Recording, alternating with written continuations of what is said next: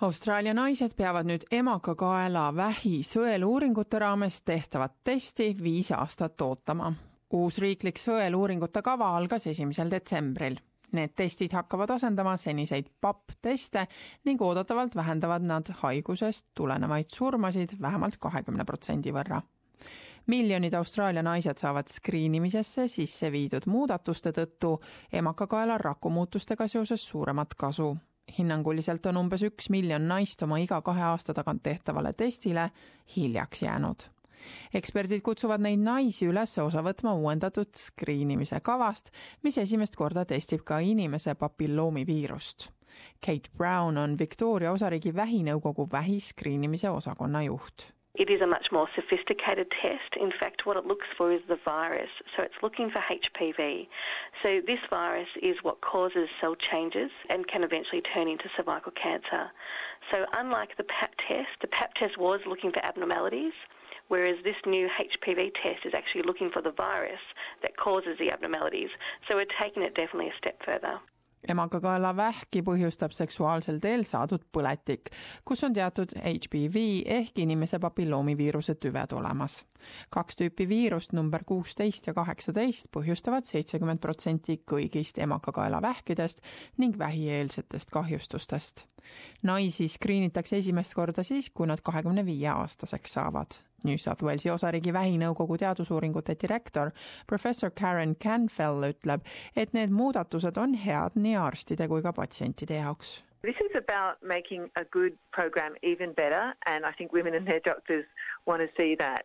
I think the second thing is that women will only have to screen nine or ten times in a lifetime instead of 26 times in a lifetime, which is what we had to do when we screened every two years with the pap smear. So it's a really a win-win situation for women and their doctors. Sellest ajast peale, mil tuhande üheksasaja üheksakümne esimesel aastal alustati üleriiklikku emakakaela vähi skriinimise programmi, on selle vähi esinemise tase poole võrra vähenenud. nüüd loodetakse, et uuendatud programmiga suudetakse neid arve veelgi vähendada kuid Brown ütleb, et esineb ikka veel teatud kogukondi, kellele on seda infot raske levitada For some people, they've come from a country perhaps where cervical screening is not common practice in their country. For some groups of women, they're ashamed or embarrassed, and for some women, um, it's it's just not top of mind. Um, it's easy to forget other priorities take place. Our Aboriginal and Torres Strait Islander communities are less likely to participate in cervical screening, as are our newly arrived and culturally diverse groups as well. We also do see that women who are disadvantaged by socio-economic status are also less likely to participate.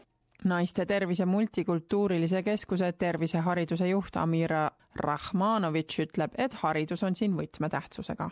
In most of the cases they don't have information, they don't know about it, they don't know about the services in the neighborhoods where they can go. Sometimes even if they know, they're really scared how all of that would look like. Is it uncomfortable? Is it painful? Uh, is there going to be female doctor assisting them? All of that. ta ütleb, et on ka oluline, et loodaks turvaline keskkond, kus naised saavad vabalt rääkida. We talk about pap smear and the screening and the breast screening and all other aspects of women's health in a language of the woman and within the cultural context, which makes huge difference uh, because women then uh, feel comfortable asking a question and um, asking all the things that they were very reluctant to ask anybody else.